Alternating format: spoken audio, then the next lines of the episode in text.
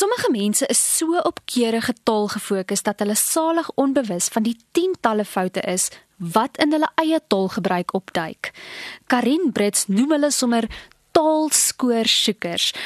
Jong Karin, dit voel soms of party mense onnodig in die taal krap selfs word dit nie juk nie. Is alle mense wat taal korrigeer onaangenaam? Hooplik is almal nie onaangenaam nie, want dan sal ons 'n paar taalpraktisyns maar altyd maar in 'n hoekie moes gaan sit want dit is wat ons elke dag doen. Ons maak ander mense se foute reg. Daar's wel daai siekte, nê? 'n Bekende Australiese taalpraktisyn, Elizabeth Manning Murphy, noem dit itchy pencilitis. Nou dis daai gevoel wat jy kry as jy so na advertensies kyk dat jy jou potlood wil uithaal en net wil verander. Nee, itchy pencilitis, hy is 'n bietjie krapperig.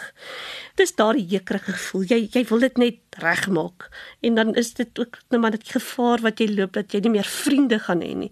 Veral as jy na 'n vlooi mark toe gaan of daar waar jy dan nou 'n um, ehm, kommentaar kan lewer soos 'n restaurant op 'n 'n spyskaart dink nie enige mens gaan 'n spyskaart oopmaak en nie 'n ou spelfoutjie daarin kry nie. En dan is daar gevoel jy wil dit sommer vinnig regmaak. Maar daar's nou natuurlik die gevaar dat mense te ver voer en dan met alles fout vind. En dan dit sommer op daai openbare platforms uitwys, nê? Nee, daai sosiale media platforms wat een woord is en wat ek moes gesê het as jy iets wil toets gaan sê dit daar. Die Engelse noem hulle the grammar nazi. Dis daai mense wat nou sommer tydig en ontydig vir jou gaan sê wat 'n fout is en dan nou self moet daai 10 foute maak terwyl daar nie regtig 'n fout is nie. Ek het gedink ek gaan vir hulle Afrikaans in omgee. Dit is sommer daai taalskoorsoekers. Dis nou mense wat gewoon net skoor soek. Hulle wil nie net regtig regmaak nie. Hulle wil net skoor soek. En hulle sê mos ook as jy 'n swak argument het, dan um, moet jy maar net iemand anders se taal gebruik aanvul. So dit gaan later nie meer oor die argument nie, maar dit gaan oor die taalgebruik. En hoe hanteer 'n mens dit, Karen, wanneer iemand jou die heeltyd op jou taal wys en jy of jy weet as 'n mens voel dat dit nie gegrond is nie. Ek praat nie van iemand wat die kundigheid het om dit te mag doen nie, maar hoe hanteer 'n mens dit dan?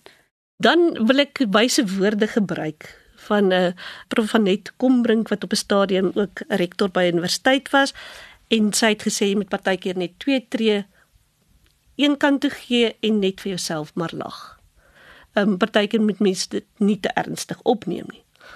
'n ander praktiese manier wat dalk nie so mooi is nie. Ek gaan kyk altyd watter fout maak die ander persoon en dan maak ek ek 'n rooi sirkels daarom en dan laat ek maar die epos eers net daar en stuur dit nie dadelik terug nie en dan sal ek die volgende dag dit maar 'n bietjie meer diplomaties hanteer. Maar iewers moet jy nou natuurlik van hierdie frustrasie ontslaa raak.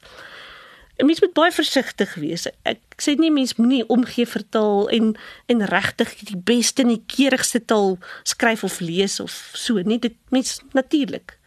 Maar die manier waarop jy dit oordra kan mense keer, juis keer om mooi taal te gebruik.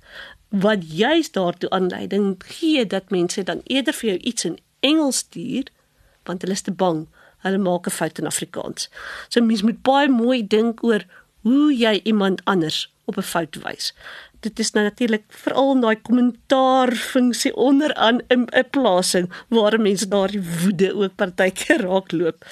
Self voordat jy kommentaar lewer, seker maak dat jy wel reg is, gaan raadpleeg gesaghebende bronne, nie omdat jou juffrou so gesê het nie, maar juis omdat 'n gesaghebende bron dit sê en dink ook hoe jy dit oordra.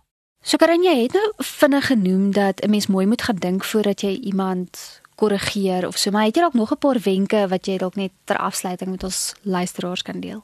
Die belangrikste is gaan eintlik maar weer terug na jou woordeboek vir die betekenis van woorde om seker te maak dat jy self ook die betekenis van die woord verstaan en nie maar wat jy dink die woord beteken of dalk maar net die een betekenis wat jy ken nie want woorde kan baie verskillende betekenisse hê en natuurlik hang dit ook van die konteks af. So woordeboek vir die betekenis.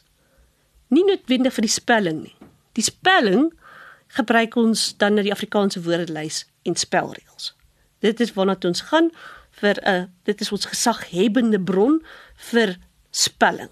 Daar gaan maak ek seker dat die spelling wel reg is.